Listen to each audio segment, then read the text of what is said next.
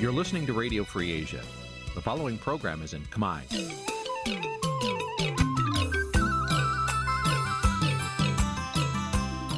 នេះជាកម្មវិធីផ្សាយ Vuthu Azizi Serai នេះជាកម្មវិធីផ្សាយរបស់ Vuthu Azizi Serai ជាភាសាខ្មែរ Vuthu Azizi Serai សូមស្វាគមន៍លោកអ្នកនាងទាំងអស់ពីរដ្ឋធានី Washington នៃសហរដ្ឋអាមេរិក។ បាទពីរដ្ឋធានី Washington សហរដ្ឋអាមេរិកខ្ញុំបាទយ៉ងច័ន្ទដារាសូមជម្រាបសួរលោកអ្នកនាងអ្នកស្ដាប់វិទ្យុអាស៊ីសេរីទាំងអស់ជាទីមេត្រីបាទខ្ញុំបាទសូមជូនកម្មវិធីផ្សាយសម្រាប់យប់ថ្ងៃអង្គារ13រោចខែចែកឆ្នាំខាលចត្វាស័កពុទ្ធសករាជ2563សបាត់សំទោ2566ដែលត្រឹមនឹងថ្ងៃទី18ខែមេសាគ្រិស្តសករាជ2023បាទជាដំបូងនេះសូមអញ្ជើញអស់លោកអ្នកនាងស្ដាប់ព័ត៌មានប្រចាំថ្ងៃដែលមានមេត្តាដូចតទៅ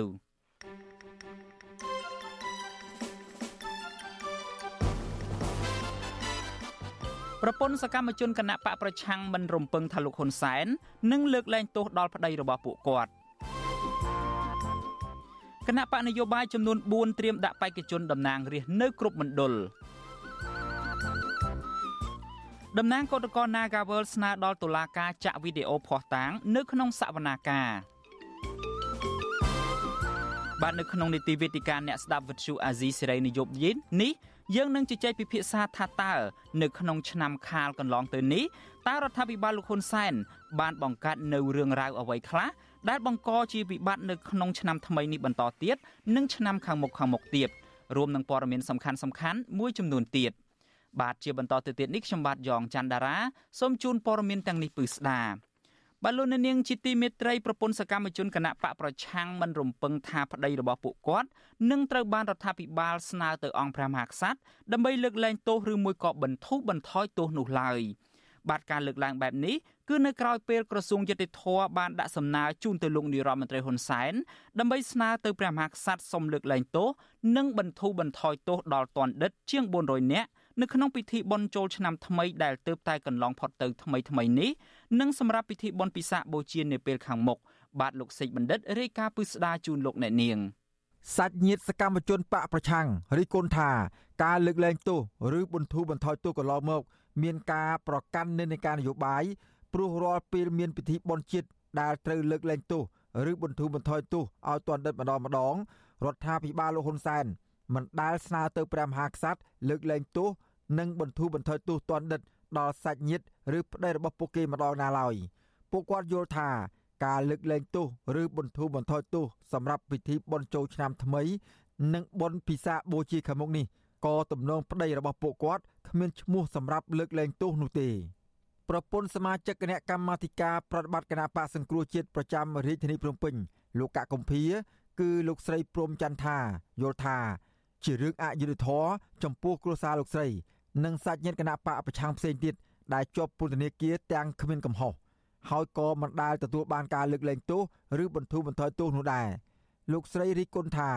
ដ្ឋាភិបាលមិនបានអនុវត្តច្បាប់ឲ្យស្មើភាពគ្នាចំពោះអ្នកជាប់ឃុំមកពីគណៈបកប្រឆាំងនោះឡើយ។និយាយ រួមទៅវាអយុត្តិធម៌សម្រាប់ក្រុមគ្រួសារពួកខ្ញុំសម្រាប់អ្នកដែលជួលដូរគ្រឿងញៀនសម្រាប់អ្នកវត្តអ ுக ្រិតគឺតម្លាក់រកការចោតឬក៏អមថា8ឆ្នាំគេតម្លាក់5ខែ6ខែក្នុងអមថាវត្តមានរដូវខែបុណ្យខែអញ្ចឹងគេចាប់ទៅតម្លាក់ខ្លះប្រាខ្លះខ្លះតែសម្រាប់គ្រួសារដែលតូនលោកអត់តែម្ដងចំណែកប្រពន្ធលោកគង់ម៉ាស់គឺលោកស្រីកុលសាទសង្កេតឃើញថា ជារៀងរាល់ឆ្នាំប្តីលោកស្រី និងសាច់ញាតិបកប្រឆាំងផ្សេងទៀត មិនត្រូវបានរដ្ឋាភិបាលលហ៊ុនសែនស្នើលើកលែងទោសឬបន្ធូរបន្ថយទោសនោះទេ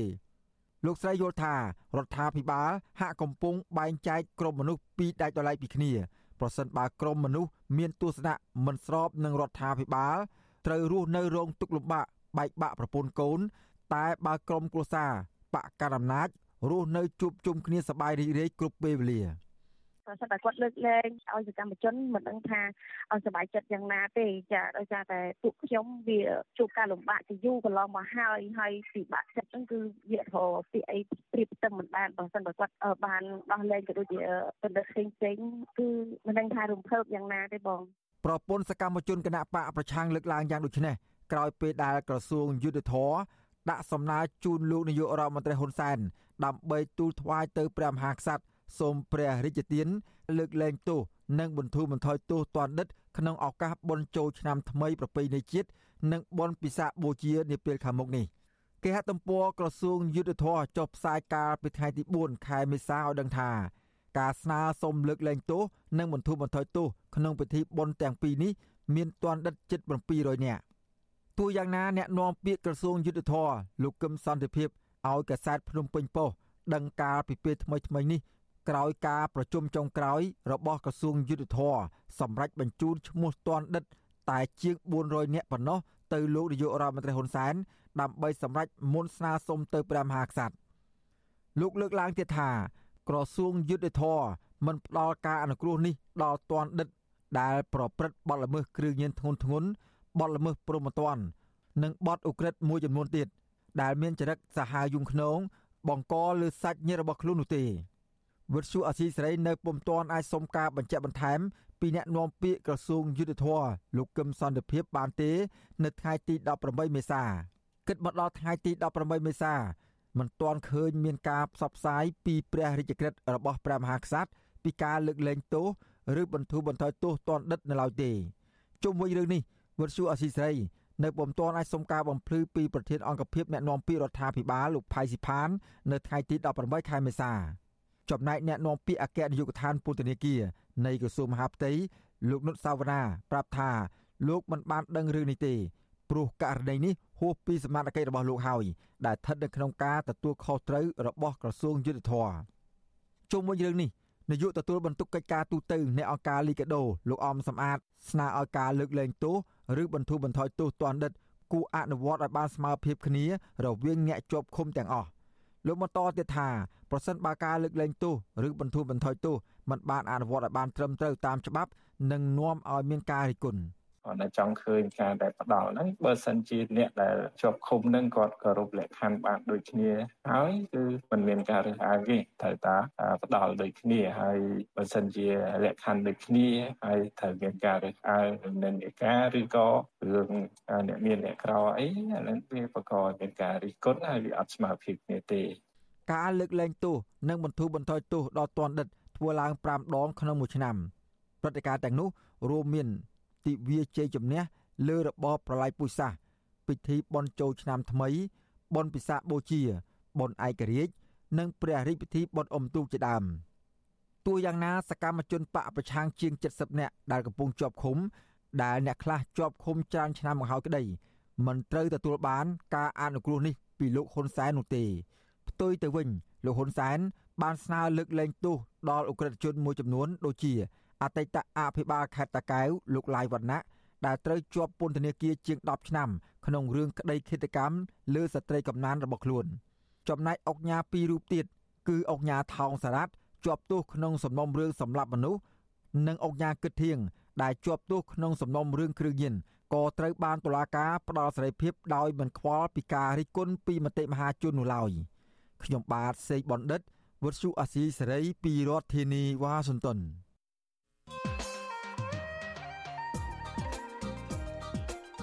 បាទលោកអ្នកនាងជាទីមេត្រី ឆ្នាំខាលឬមួយក៏ឆ្នាំខ្លាដែលទៅតែនឹងបញ្ចប់ទៅថ្មីថ្មីនេះបានបន្សល់ទុកនៅរឿងរ៉ាវចាក់ស្រេះច្រើនរាប់មិនអស់សម្រាប់ប្រជាជាតិខ្មែរ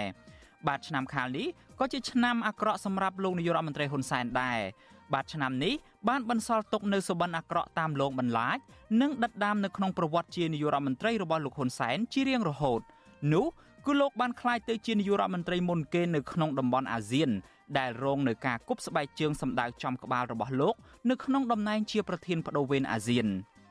ក្រៅពីមានវាសនាអាក្រក់ខ្លួនឯងចំពោះប្រទេសជាតិវិញតើក្នុងឆ្នាំខាលកន្លងទៅនេះរដ្ឋាភិបាលលោកហ៊ុនសែនបានបង្កបង្កើតនៅរឿងរ៉ាវអ្វីខ្លះ ដែលអាចនាំឲ្យមានវិបត្តិបន្តនៅក្នុងឆ្នាំថ្មីនេះនិងឆ្នាំខាងមុខបន្តបន្តទៀតបាទនេះគឺជាប្រធានបទនៃវេទិកាអ្នកស្ដាប់វិទ្យុអាស៊ីសេរីនៅយប់នេះបាទប្រសិនបើលោកអ្នកនាងមានសំណួរឬមួយក៏ចង់ចូលរួមបញ្ចេញមតិយោបល់សូមលោកអ្នកនាងដាក់លេខទូរស័ព្ទរបស់លោកអ្នកនាងនៅក្នុងខ្ទង់ comment Facebook និង YouTube របស់ Vuthu Azizi Siri ដែលយើងកំពុងតែផ្សាយផ្ទាល់នេះបាទក្រុមការងាររបស់យើងនឹងហៅទៅលោកអ្នកនាងវិញបាទសូមអរគុណ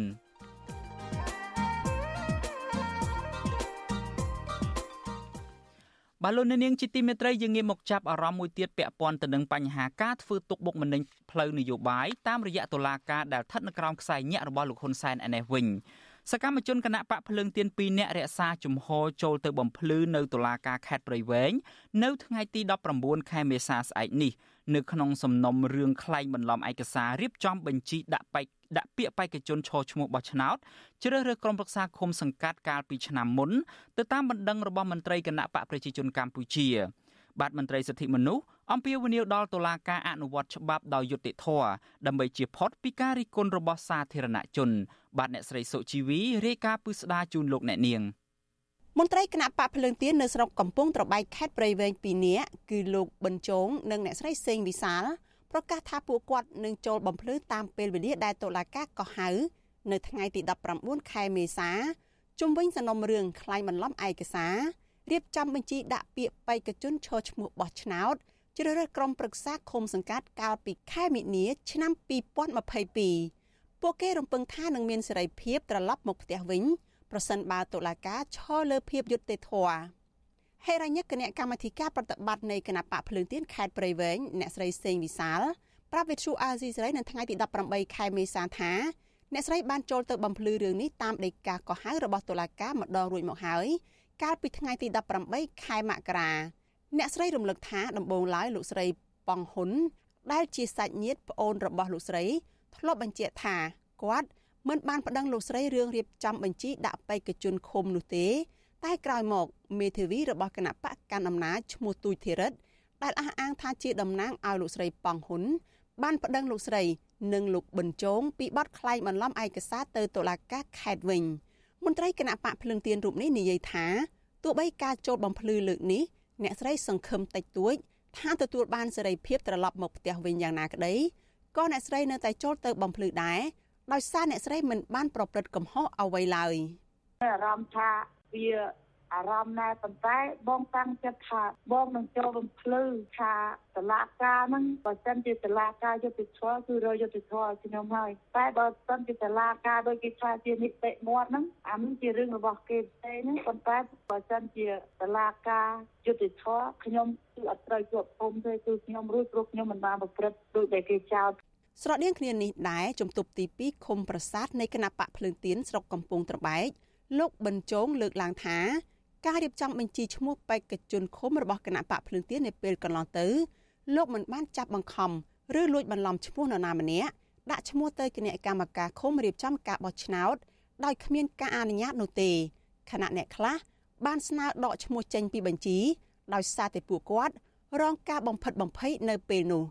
ប៉ុន្តែលោកឆ្ងល់តាហេតុអ្វីបានជាមេធាវីរបស់គណៈបកកណ្ដាលអំណាចបែរជាប្តឹងលោកទៅតុលាការទៅវិញ លោកបញ្ជាក់ថាលោកនឹងចូលទៅបំភ្លឺជាមួយមេធាវីគឺលោកសំសុគង្គនៅមុខតុលាការខេត្តតាមពេលវេលាកំណត់ដោយមិនកិច្ចខ្លួនឡើយមិនដែលចេះកោងកាច់ទៅផ្លៃដំច្រំធាក់ណាតិចតែទៅរលឬបងប្អូនណាគឺជាពលរដ្ឋនឹងស្រុកឃុំបរំនឹងវាបរំណាស់ហើយប៉ុន្តែយើងធ្វើមិនបើគេជាប់ប្រកាន់យើងហើយយើងទៅបំភ្លឺទៅតាមហ្នឹងបើគេចាប់គូចាប់ទៅខ្ញុំនឹងថាមិនក៏ជាងគេទៅឈមនឹងយើងចឹងហើយយើងទៅគិតខ្លួនទៅណាវានាំទៅវែងឆ្ងាយ វិទ្យុអាស៊ីសេរីមិនអាចតាក់ទងแนะនាំពាក្យសាលាដំបងខេត្តព្រៃវែងអ្នកស្រីអាតសុកដើម្បីបញ្ជាក់ជុំវិញរឿងនេះបានទេនៅថ្ងៃទី18ខែមេសាទន្ទឹមនឹងតុលាការក៏ហៅសកម្មជនគណៈបកភ្លើងទៀនទាំងពីរនាក់ឲ្យចូលទៅបំភ្លឺនេះកាលពីថ្ងៃទី11ខែមេសាសមត្ថកិច្ចខេត្តព្រៃវែងបានចាប់ខ្លួនជំទប់ទី2ឃុំកន្សោមអកនៃគណៈបកភ្លើងទៀនគឺលោកអៀងជា និងប្រធានប្រតិបត្តិគណៈបកភ្លើងទៀនស្រុកកំពង់ត្របែកលោកហេងសំអឿន ហើយសាលាដំបងខេត្តព្រៃវែងបានចាត់ប្រកាសអ្នកទាំងពីរពីបទក្លែងបន្លំឯកសារសាធារណៈនិងបានបញ្ជូនពួកគាត់ទៅឃុំខ្លួនបណ្ដោះអាសន្ននៅពន្ធនាគារនៅក្នុងខេត្តនេះទោះយ៉ាងណាក្រុមគ្រួសារចាត់ទុកការចោទប្រកាន់និងការចាប់ខ្លួនសកម្មជនគណៈបកភ្លើងទៀនទាំងនោះថាជាការធ្វើទុកបុកម្នេញផ្នែកនយោបាយការបោះឆ្នោតជ្រើសរើសតំណាងរាស្ត្រកាន់តែខិតជិតមកដល់រដ្ឋាភិបាលលហ៊ុនសែនក៏បង្កើនការបង្ក្រាបលើសម្លេងរិះគន់និងចាប់ខ្លួនអ្នកនយោបាយ ខណៈដែលតុលាការនៅកម្ពុជាត្រូវបានគេវាយតម្លៃថាខ្វះឯករាជ្យមិនទាន់ទទួលបានទំនុកចិត្តពីប្រជាពលរដ្ឋនៅឡើយទេ ជាពិសេសពាក់ព័ន្ធនឹងសំណុំរឿងដែលមានចរិតនយោបាយដើម្បីកំទេចគណៈបកនិងអ្នកនយោបាយប្រឆាំងនៅមុនការបោះឆ្នោតថ្នាក់ជាតិខាងមុខនេះតកតនៅរឿងនេះអ្នកនាំពាក្យសមាគមការពារសិទ្ធិមនុស្សអាត6លោកសឹងសានករណាក៏សម្គាល់ថាសំណុំរឿងតកតនឹងការរៀបចំបញ្ជីបេក្ខជនឃុំសង្កាត់បានកើតឡើងតាំងពីឆ្នាំ2022មកម្លេះតែពេលនេះ តុលាការទើបតែកោះហៅទៅបំភ្លឺនិងចាប់ខ្លួនសកម្មជនគណៈបកភ្លើងទៀនទាំងនោះដាក់ពន្ធនាគារ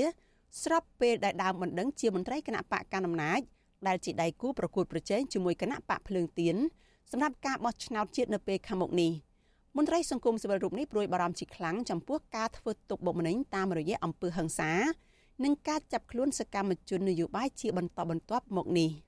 យល់ឃើញថាស កម្មជនឬក៏គណៈបកប្រកួតប្រជែងទាំងឡាយគួរតែបញ្ឈប់នៅអ្វីដែលជាការធ្វើទុកបុកម្នេញគ្នាទៅវិញទៅមកហើយខ្ញុំមិនគ្រប់គ្រងទេអំពីការប្រកួតប្រជែងដោយប្រើប្រាស់ជោបាយណាមួយដែលមិនសមហេតុមិនសមផលហើយឲ្យប៉ះពាល់ដល់បរិយាកាសនៃការបោះឆ្នោតដែលកំពុងឈានចូលមកដល់នេះគួរតែយើងបើកឱកាសនិងបើកសិទ្ធិសេរីភាពឲ្យកម្មជននយោបាយអាចអនុវត្តសិទ្ធិសេរីភាពរបស់ពួកគេឲ្យបានពេញលេញជាជាងប្រើប្រាស់នៅមធ្យោបាយធ្វើទុកបុកម្នេញគ្នាគិតមកដល់ពេលនេះថ្នាក់ដឹកនាំនិងសកម្មជនគណៈបកភ្លើងទៀនចំនួន9នាក់កំពុងជាប់ឃុំហើយពួកគាត់ភ័យច្រើនត្រូវបានតុលាការចោទប្រកាន់ពីបទដូចដូចគ្នា គឺបទក្លែងឯកសារក្រៅពីនេះសកម្មជនគណៈបកនេះជាច្រើនរូបទៀតត្រូវសមត្ថកិច្ចចាប់ខ្លួនដោយអ្នកខ្លះកំពុងជាប់ឃុំ និងអ្នកខ្លះរត់គេចខ្លួនទៅរកទីសុវត្ថិភាពហើយអ្នកខ្លះទៀតត្រូវជន់មិនស្គាល់មុខគម្រាមសម្លាប់ និងរងអំពើហិង្សាបណ្ដាលឲ្យរងរបួសធ្ងន់ជាហូរហែតែអាជ្ញាធរខកខានស្វែងរកជនល្មើសដើម្បីផ្ដល់យុត្តិធម៌ដល់ជនរងគ្រោះនៅឡើយទេ នាងខ្ញុំសុជីវីវិទ្យុអាស៊ីសេរីពីរដ្ឋធានី Washington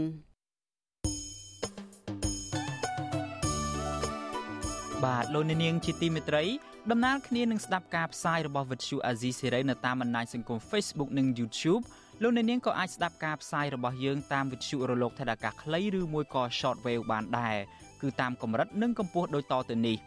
បាទពេលព្រឹកចាប់ពីម៉ោង5កន្លះដល់ម៉ោង6កន្លះតាមរយៈប៉ុស SW 12.14 MHz ស្មើនឹងកម្ពស់ 25m និងប៉ុស SW 13.71 MHz ស្មើនឹងកម្ពស់ 22m ពេលយប់ចាប់ពីម៉ោង7កន្លះដល់ម៉ោង8កន្លះតាមរយៈប៉ុស SW 9.33 MHz ស្មើនឹងកម្ពស់ 32m ប៉ុស SW 11.88 MHz ស្មើនឹងកម្ពស់ 25m និងប៉ុស SW 12.14 MHz ស្មើនឹងកម្ពស់ 25m បាទសូមអរគុណបាទលោកអ្នកនាងជាទីមេត្រីឆ្លៀតនៅក្នុងឱកាសនេះខ្ញុំបាទសូមជម្រាបជូនលោកអ្នកនាងថាចាប់ពីខែមេសានេះតទៅវិទ្យុអាស៊ីសេរីរបស់យើងបានពង្រីកការផ្សាយនៅតាមបណ្ដាញសង្គមមួយទៀតហៅថាបណ្ដាញសង្គម Telegram បាទប្រសិនបើលោកអ្នកនាងចង់តាមដានការផ្សាយរបស់យើងនៅតាមបណ្ដាញសង្គម Telegram នេះសូមលោកអ្នកនាងចូលទៅកាន់ប្រអប់ពាក្យថាស្វែងរកឬមួយក៏ search នៅក្នុង Telegram ហើយវាយពាក្យថាវិទ្យុអាស៊ីសេរីឬមួយក៏ RFA ខ្មែរលោកអ្នកនាងនឹងឃើញទំព័រផ្លូវការរបស់វិទ្យុអាស៊ីសេរីហើយហើយដោយមានសញ្ញាធីកពណ៌ខៀវជាសញ្ញាសម្គាល់ដូច្នេះលោកអ្នកនាងសូមបន្តគ្រប់គ្រងការផ្សាយរបស់យើងដើម្បីលោកអ្នកនាងទទួលបានព័ត៌មានពិតអំពីប្រទេសកម្ពុជា បាទលោកអ្នកនាងជាទីមេត្រីយើងងាកមកចាប់អារម្មណ៍ពាក់ព័ន្ធទៅនឹងបញ្ហាបោះឆ្នោតឯនេះវិញគណៈកម្មាធិការជាតិរៀបចំការបោះឆ្នោតនឹងចាប់ផ្ដើមទទួលបញ្ជីឈ្មោះបេក្ខជនតំណាងរាស្ត្រពីគណៈបកនយោបាយដែលចូលរួមប្រកួតប្រជែងការបោះឆ្នោតជ្រើសតាំងតំណាងរាស្ត្រនីតិកាលទី7នៅក្នុងរយៈពេលមួយសប្តាហ៍ទៀតនេះគណៈបកនយោបាយមួយចំនួនបានរៀបចំបេក្ខជនរួចហើយគណៈមួយចំនួនទៀតកំពុងរៀបចំបញ្ជីឈ្មោះនៅឡើយបាទលោកនៅវណ្ណរិនរាយការណ៍ពឹស្ដារអំពីរឿងនេះ គណៈបកនយោបាយចំនួន4បញ្ជាក់ថាពួកគេរៀបបញ្ជីបេក្ខជនរួចរាល់ហើយត្រៀមដាក់ទៅគ្រប់មណ្ឌលទូទាំងប្រទេសដើម្បីប្រកួតប្រជែងការបោះឆ្នោតនៅពេលខាងមុខគណៈបកនយោបាយទាំង4នោះរួមមានគណៈបកប្រជាជនកម្ពុជាគណៈបកភ្លើងទៀនគណៈបកផ្នែករួបរวมជាតិនិងគណៈបកហ៊ុនស៊ិនពេជ្រអ្នកនាំពាក្យគណៈបកភ្លើងទៀនលោកកឹមសុភិរិទ្ធ ឲ្យវិទ្យុអាស៊ីសេរីដឹងនៅថ្ងៃទី18ខែមេសានេះថាគណៈបកលោកបានរៀបចំបញ្ជីបេក្ខជនរួចរាល់អស់ហើយហើយបច្ចុប្បន្នថ្នាក់ដឹកនាំគណៈបកនេះកំពុងពិនិត្យមើលឡើងវិញហើយអាចមានការកែសម្រួលបន្តិចបន្តួច បញ្ជីផ្ទៃក្នុងពង្រៀនតាមខេត្តហើយណានៅតែការសម្រេចចុងក្រោយវាមានការប្រែប្រួលជួយដែរសម្របសម្រួលពីលើក្រមឬក៏សម្រុងមិនសម្រុងឯតិចតួចទេណាប៉ុន្តែបញ្ជីគឺសំខាន់សំខាន់គឺត្រៀមយកទៅហើយអ្នកនាំពាក្យគណៈបកផ្នែករួបរวมជាតិលោកបិទទៀវបញ្ជាក់ថាគណៈបករបស់លោកក៏ត្រៀមបញ្ជីបេក្ខជនរួចរាល់ហើយដែរក្នុងការដាក់បេក្ខជនទៅគ្រប់មណ្ឌល ចំណែកអ្នកនាំពាក្យគណៈបកហ្វុនស៊ិនពេជ្រលោកញឿនរ៉ាដែនបញ្ជាក់ថាគណៈបកលោកមានបទពិសោធន៍ច្រើននៅក្នុងការរៀបចំបញ្ជីបេក្ខជន លោកបន្តថាការបោះឆ្នោតអាណត្តិទី7នេះគណៈបកលោកបានរៀបចំបញ្ជីបេក្ខជនរួចរាល់ហើយហើយរងចាំថ្ងៃដាក់ឈ្មោះទៅកោជបតែប៉ុណ្ណោះវិទ្យុអាស៊ីសេរីមិនអាចតាក់ទងแนะនាំពាក្យគណៈបកប្រជាជនកម្ពុជា លោកសុកអេសាន ដើម្បីសូមការអធិប្បាយជុំវិញបញ្ហានេះបាននៅឡើយទេនៅថ្ងៃទី18មេសានេះ ក៏ប៉ុន្តែលោកបានបញ្ជាក់ប្រាប់អាស៊ីសេរីកាលពីចុងខែមីនាថាគណៈបករបស់លោកក៏បានរៀបចំបេក្ខជនតំណាងរាស្ត្រនិងរៀបចំក្រុមការងាររួចរាល់អស់ហើយលោកបន្តថាគណៈបករបស់លោកសម្បូរទាំងធនធានសម្រាប់ចំណាយនិងធនធានមនុស្សធ្វើនយោបាយចុះទៅដល់មូលដ្ឋានជួបប្រជាជនទូទាំងប្រទេសអាហ្នឹងយើងមានមនុស្សច្រើនណាស់ពីព្រោះថា យើងសម្បូរធនធានមនុស្សដូច្នេះមិនខ្វះទេអ្នកធ្វើការងារនយោបាយដើម្បីទៅចុះជាប់ជាមួយមហាជនប្រជាជននៅតាមឃុំសង្កាត់ទូទាំងប្រទេសបានទន្ទឹមនឹងគណៈបកនយោបាយរៀបចំបេក្ខជនតំណាងរាស្ត្ររបស់ខ្លួនអ្នកធ្វើការផ្នែកលើកកម្ពស់ gender ក៏កំពុងធ្វើយុទ្ធនាការជំរុញឲ្យបង្កើនចំនួនបេក្ខជនជាស្ត្រីដែរ ក៏ប៉ុន្តែគណៈបកទាំង4នោះមិនទាន់មានគោលការណ៍នៅក្នុងការកំណត់ចំនួនស្ត្រីនៅក្នុងបញ្ជីបេក្ខជនតំណាងរាស្ត្រនៅឡើយទេដោយបញ្ជាក់ថាផ្អែកទៅលើសមត្ថភាពនិងការប្រកួតប្រជែងផ្ទៃក្នុង។ក៏ប៉ុន្តែអ្នកនាំពាក្យគណៈបកទាំងនេះលើកឡើងប្រហាក់ប្រហែលគ្នាថាគណៈបករបស់ពួកគេជំរុញលើកទឹកចិត្តនិងផ្ដល់ឱកាសច្រើនដល់ស្ត្រី ទោះយ៉ាងណាអ្នកសម្របសម្រួលកម្មវិធីអប់រំនឹង Gender នៃអង្គការ Confrel អ្នកស្រីសឿនកេតសេរីលក្ខមានប្រសាសន៍ថាសមត្ថភាពស្ត្រីបច្ចុប្បន្ននេះមិនមានជាការចោទនោះទេបើសិនជាគណៈបកនយោបាយបង្កើតគោលនយោបាយជាក់លាក់នៅក្នុងការបង្កើនចំនួនស្ត្រីនោះ។បើបើយើងមើលទៅនៅក្នុងស្ត្រីនៅថ្នាក់ជាតិយើងឃើញតាមរយៈការដែលយើងធ្វើកិច្ចការជាមួយស្ត្រីភាគច្រើនលោកមានការយល់ដឹងច្រើនមានបទពិសោធន៍ហើយ ការនិយាយស្ដីការធ្វើកិច្ចការងារគាត់មានមានភាពប្រសើរមែនទែនយើងមិនចង់ប្រៀបធៀបនឹងបរិសុទ្ធទេប៉ុន្តែយើងអាចនិយាយថាសមត្ថភាពមិនមែនជាឧបសគ្គសម្រាប់ស្ត្រីសំខាន់ឧបសគ្គដែលធំគឺការផ្ដល់ឱកាសឲ្យស្ត្រីខ្លាចជាអ្នកដឹកនាំទាំងថ្នាក់ជាតិនិងថ្នាក់ក្រោមជាតិតាមប្រតិទិនសម្រាប់ការបោះឆ្នោតអាណត្តិទី7នេះនឹងប្រព្រឹត្តទៅនៅថ្ងៃទី23ខែកក្កដាខាងមុខដើម្បីជ្រើសតាំងតំណាងរាស្ត្រចំនួន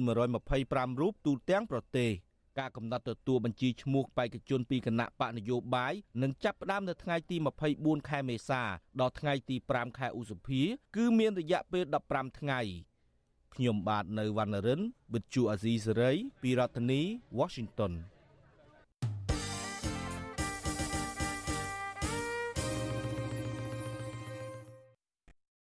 ចានៅថ្ងៃនេះចានាងខ្ញុំនឹងជម្រាបជូនលោកអ្នកនាងអំពីភាពមិនប្រក្រតីនៅក្នុងការបោះឆ្នោត ឬដែលយើងហៅម្យ៉ាងទៀតថាគឺជារឿងរ៉ាវដែលកើតឡើងមិនធម្មតាហើយធ្វើឲ្យប៉ះពាល់ទៅដល់ដំណើរការបោះឆ្នោត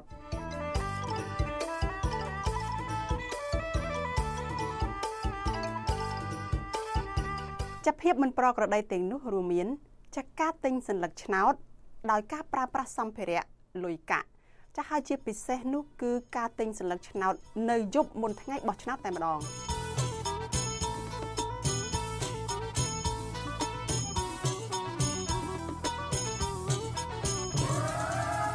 ចាជាមួយគ្នានោះក៏មានការបង្ខំឲ្យប្រជាពលរដ្ឋចាស្បត់ថាបោះឆ្នោតឲ្យខ្លួនចាប់ភាពនឹងប្រក្រតីមួយទៀតនោះគឺតាក់ទងទៅនឹងការបង្ខិតបង្ខំចាការគម្រាមកំហែងការធ្វើទុកបុកម្នេញសពបែបយ៉ាងទៅលើបេក្ខជន និងគណៈបកនយោបាយដែលឈរឈ្មោះបោះឆ្នោតចាស់ក្នុងនោះដែរក៏មានករណីរារាំងមិនឲ្យបេក្ខជនឈរឈ្មោះបោះឆ្នោតឬក៏បង្កឧបសគ្គទៅដល់ការចុះបញ្ជីបេក្ខជនរបស់គណៈបកនយោបាយ ចាប់បញ្ហាដែលមិនប្រក្រតីមួយទៀតនោះគឺតកតងទៅនឹងការដែលមិនចុះឈ្មោះឲ្យអ្នកដែលមានសិទ្ធិបោះឆ្នោតចាប់ប៉ុន្តែបែរជាទៅចុះឈ្មោះឲ្យអ្នកដែលគ្មានសិទ្ធិបោះឆ្នោតទៅវិញ។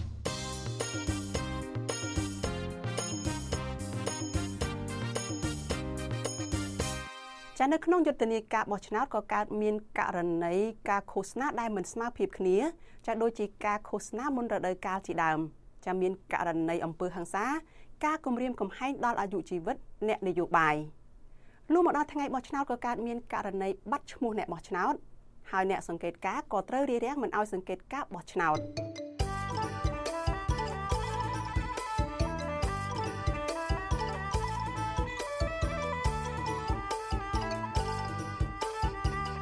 ចាប្រសិនបើលោកអ្នកនាងមើលឃើញពីភាពមិនប្រក្រតីទាំងនេះ ចាការបោះឆ្នោតទាំងនោះមិនអាចចាត់ទុកថាជាការបោះឆ្នោតដែលសេរីត្រឹមត្រូវនឹងយុត្តិធម៌បានឡើយ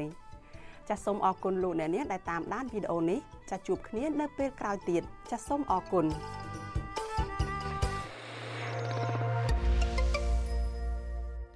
បាទលោកនាងជាទីមេត្រីដោយដែលអ្នកស្រីសុជីវីបានរៀបរាប់អំបញ្ញមិញនេះហើយថាការបោះឆ្នោតនេះនឹងប្រព្រឹត្តទៅនៅខែកក្កដាខាងមុខទៀតនេះដូច្នេះវិទ្យុអាស៊ីសេរីនឹងតាមដានគ្រប់ព្រឹត្តិការណ៍តាក់ទងទៅនឹងការបោះឆ្នោតនេះដើម្បីផ្សព្វផ្សាយជូនលោកអ្នកនាងដូច្នេះសូមលោកអ្នកនាងបន្តគ្រប់គ្រងការផ្សាយរបស់យើងជាបន្តទៅទៀតបាទលោកនាងជាទីមេត្រីតកតងទៅនឹងរឿងកោតក្រ Nagawal ឯនេះវិញ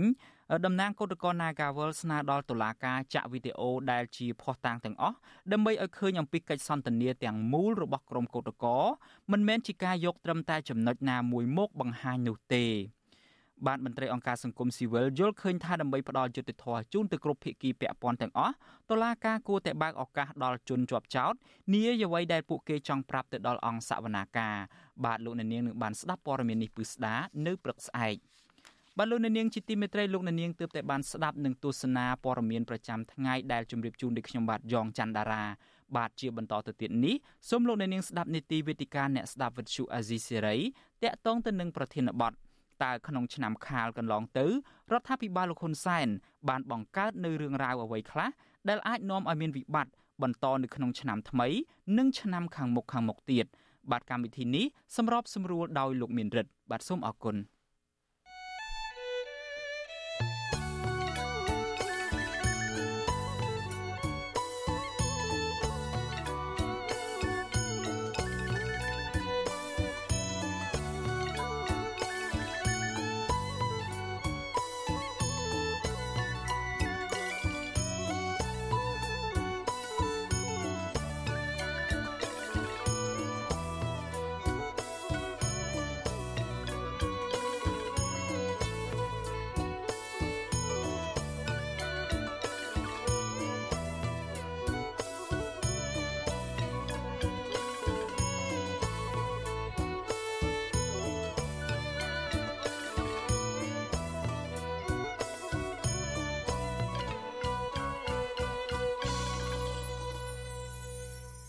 ផ្សាយផ្ទាល់ពីរដ្ឋធានី Washington សហរដ្ឋអាមេរិកខ្ញុំបាទមេរិតសូមជម្រាបសួរលោកនាងកញ្ញាប្រិមត្តអ្នកស្ដាប់និងទស្សនា Visual Asia ស្រីជាទីមេត្រីបាទនេះគឺជានេតិវេទិកាអ្នកស្ដាប់ Visual Asia ស្រីបាទ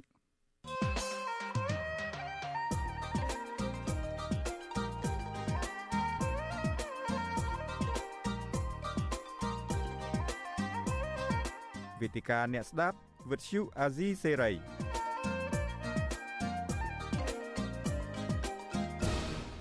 បាទសួស្តីឆ្នាំថ្មីលោកនាងកញ្ញាឆ្នាំនេះគឺឆ្នាំថោះដែលចូលមកដល់នេះគឺប្រធានបទថ្មីដែលយើងនឹងយកមកពិភាក្សានៅថ្ងៃនេះយើងផ្ដោតលើការពិនិត្យឡើងវិញទៅក្នុងឆ្នាំខាលនៅក្នុងនីតិវេទិកាអ្នកស្ដាប់ Visual ស៊ីស្រីនេះពេលនេះបាទ ប្រធានបទរបស់យើងគឺចង់ដឹងថាតើនៅក្នុងឆ្នាំខាលកន្លងទៅនេះរដ្ឋាភិបាលរបស់លោកនាយរដ្ឋមន្ត្រីហ៊ុនសែនបានធ្វើនៅចំណាត់ការឬក៏ប្រព្រឹត្តនៅរឿងរ៉ាវអ្វីខ្លះដែលអាចនឹងបង្កជាវិបត្តិហើយអាចតកើតមានឡើងនៅក្នុងឆ្នាំថ្មីឆ្នាំ ថោះនេះនិងឆ្នាំបន្តទៅមុខទៀតនោះបាទវាគ្មិនកិត្តិយសរបស់យើងពីររូបនឹងចូលមកពិភាក្សានៅក្នុងប្រធានបទនៅពេលនេះនោះគឺលោកបណ្ឌិតមាសនេះលោកជាអ្នកវិភាគនយោបាយនិងលោកអែមសវណ្ណារាលោកជាអ្នកជំនាញខាងវិទ្យាសាស្ត្រនយោបាយនិងកិច្ចការអន្តរជាតិបាទខ្ញុំបាទឃើញរូបលោកទាំងពីរនៅលើកញ្ចក់ទូរទស្សន៍ហើយបាទសូមជំរាបសួរលោកទាំងពីរពីចម្ងាយបាទបាទសូមជំរាបសួរបាទបាទអរគុណសួរ បាទសុខសប្បាយជាទេលោកទាំងពីរក្នុងឆ្នាំថ្មីនេះបាទលោកបណ្ឌិតមាននេះបាទបាទខ្ញុំសុខសប្បាយជាទេបានតែស្ដាប់ខ្ញុំបានច្បាស់ទេបាទលើច្បាស់ហើយបាទបាទចុះលោកអែមសវណ្ណារាវិញយ៉ាងម៉េចទៅឆ្នាំថ្មីបាទបាទអាកាសធាតុក្តៅក្តៅក្តៅខ្លាំងមែនតើបាទដែលពិបាកបាទជំរាបសួរប្រិមិត្តអាស៊ីសេរីជំរាបសួរលោកមានរិទ្ធហើយនិង លោកបណ្ឌិតមាននេះផងបាទបាទអរគុណលោកទាំងពីរដែលបានចំណាយពេលចូលរួមជាមួយ Visual C ស្រីនៅថ្ងៃនេះខ្ញុំរីករាយណាស់ដែលបានជួបលោកទាំងពីរក្នុងឆ្នាំថ្មីតែម្ដងនៅក្នុងឆ្នាំថោះនេះ ទោះយ៉ាងណានៅក្នុងឆ្នាំថ្មីដែលចាប់ផ្ដើមនេះជាឆ្នាំមួយដែលកម្ពុជានឹងត្រៀមរៀបចំការព្រឹត្តិការណ៍សំខាន់សំខាន់រហូតដល់ទៅពីនោះគឺទី1គឺការត្រៀមរៀបចំព្រឹត្តិការណ៍ប្រកួតកីឡា SEA Games ប្រចាំតំបន់អាស៊ីអាគ្នេយ៍ដែលកម្ពុជាចំណាយពេលរហូតដល់ទៅ60ឆ្នាំឯណោះទម្រាំអាចរៀបចំព្រឹត្តិការណ៍នេះបានហើយព្រឹត្តិការណ៍សំខាន់មួយទៀតដែលនឹងកើតមាននឹងគឺការរៀបចំការបោះឆ្នោតជាតិអាណត្តិទី7ដែលគ្រោងនឹងប្រព្រឹត្តទៅនៅខែកក្កដាខាងមុខនោះយើងនឹងបន្តឃ្លាំមើលនៅព្រឹត្តិការណ៍ទាំងនេះក៏ប៉ុន្តែអ្វីដែលជាចំណុចចាប់ផ្ដើមនៅក្នុងឆ្នាំថ្មីនេះអាចជាកត្តាសំខាន់មួយឲ្យយើងឆ្លុះបញ្ចាំងទៅលើរឿងរ៉ាវដែលបានកើតឡើងនៅក្នុងសង្គមកម្ពុជានៅក្នុងឆ្នាំចាស់កាលពីឆ្នាំខាលឬក៏ឆ្នាំឆ្នាំខ្លាកន្លងទៅនេះអឺ ដោយដែលយើងដឹងហើយថាមានរឿងរ៉ាវចាក់ស្រេះជាច្រើនកើតមានឡើងនៅក្នុងសង្គមកម្ពុជាហើយឆ្នាំខាលនេះក៏មិនមែនជាឆ្នាំល្អប្រមាណឡើយសម្រាប់ជោគជតាឬក៏អឺជោគជ័យជោគជតារិស័យរបស់លោកនាយរដ្ឋមន្ត្រីហ៊ុនសែននោះលោកបានរងនៅអឺធ្វើឲ្យមានកំណត់ត្រាមួយនៅក្នុងប្រវត្តិជានាយករដ្ឋមន្ត្រីរបស់លោកគឺរងនឹងការគប់ស្បែកជើងអឺ សម្ដៅចំក្បាលរបស់លោកនៅក្នុងពេលដែលលោកកំពុងបំពេញការងារជាប្រធានបដូវវេនអាស៊ាន កាលពីឆ្នាំ2022កន្លងទៅ នៅសហរដ្ឋអាមេរិកនោះបាទទន្ទឹមនេះចំណែកឯរឿងរ៉ាវនៅកម្ពុជាវិញ ក្នុងសង្គមជាតិទាំងមូលក៏មានរឿងរ៉ាវជាច្រើនដែរ ដែលយើងបានកើតមានឡើងហើយកាលពីដំណាច់ឆ្នាំ2022កន្លងទៅហ្នឹងយើងបានពិនិត្យមើលខ្លះៗហើយក៏ប៉ុន្តែឥឡូវនេះឆ្នាំខាលហ្នឹងដោយសារឆ្នាំខ្មែរយើងបានបន្តរហូតដល់ខែមេសាថ្ងៃទី13នោះទើបបញ្ចប់ទៅហ្នឹងខ្ញុំចង់បានការវិតម្លៃជារួមពីដំបូងខ្ញុំចង់បាន ប្រសាសន៍ពីលោកបណ្ឌិតមាសនេះសិនលោកបណ្ឌិតមើលជារួមសូមផ្ដល់ជាចំណុចខ្លីៗថាតើក្នុង ឆ្នាំខាលកន្លងទៅនេះមានចំណុចអ្វីខ្លះដែលលេចធ្លោបំផុតហើយដែលលោកបណ្ឌិតចាប់អារម្មណ៍ថាអាចជាអាចបន្តកើតជាវិបត្តិឬក៏តជារឿងរ៉ាវណាមួយនៅក្នុង ឆ្នាំថ្មីនេះបាទសូមអញ្ជើញបាទបាទសូមអរគុណបាទទទួលនៅទទួលខ្ញុំបានច្បាស់ហើយខាងបាទលឺច្បាស់ហើយបាទបាទជាទស្សនវិជ្ជាទូទៅនៅក្នុង ឆ្នាំកន្លងទៅនេះយើងឃើញថាកម្ពុជាបានដឹកនាំជាប្រធានអាស៊ានដែលយើងឃើញថាជាឆ្នាំដ៏លំបាកមួយសម្រាប់កម្ពុជានៅក្នុងការដោះស្រាយបញ្ហាធំធំដែលប្រឈមរួមទាំងបញ្ហានៅភូមាផងដែរហើយវាចំពេលដែលអឺប្រទេសនៅក្នុង សមាជិកអាស៊ានពិសេសគឺដោះស្រាយរឿងភូមិហើយនិងវិបត្តិពិភពលោកសង្គ្រាមរវាងរុស្ស៊ីនិងអ៊ុយក្រែនបាទក៏ប៉ុន្តែទោះបីជាយ៉ាងណាក៏យើងឃើញថានៅក្នុងនាមជាប្រធានអាស៊ាន គឺកម្ពុជាបានអឺឆ្លងកាត់ផុតនៅការដឹកនាំមួយដែលទោះបីជាមិនបានដោះស្រាយបញ្ហាធំធំដែលកើតមានក៏ប៉ុន្តែអាច នាំមកនៅគូនៅភាគីសំខាន់សំខាន់នៅ ក្នុងវិបត្តិធំធំក្នុងពិភពលោកហ្នឹងគឺបានចូលមករួមប្រជុំរហូតដល់យើងថាចប់ចុងចប់ដើមក្នុងនាមជាប្រធានអាស៊ានបាននេះជារឿងសំខាន់ទី1ហើយរឿងសំខាន់ទី2ទៀតក៏វាមាននៅក្នុងកិច្ចប្រជុំអាស៊ានខ្ញុំគិតថាលោកអែមរ៉ាបាជានៅចាំបានច្រើនដែរវាមានកិច្ចព្រមព្រៀងជា ធម្មតាខ្លះដែលគេបានធ្វើនៅក្នុងនាមនៅពេលកម្ពុជាដឹកនាំអាស៊ានហ្នឹងក៏ឃើញថាបានចុះកិច្ចព្រមព្រៀងមួយចំនួនដែរនៅក្នុងនោះបាទអឺពីមិននេះជារឿងសំខាន់មួយក្នុងឆ្នាំកន្លងទៅអឺប៉ុន្តែនៅក្នុងរឿងមួយទៀតក៏ឃើញថាកម្ពុជាកំពុងតែឈានទៅរកការរៀបចំនៅ ថាជាកីឡានៅអាស៊ីមួយដ៏ធំដែលយើងមិនធ្លាប់មាន60ឆ្នាំកន្លងទៅដោយសារយើងរវល់សង្គ្រាមផង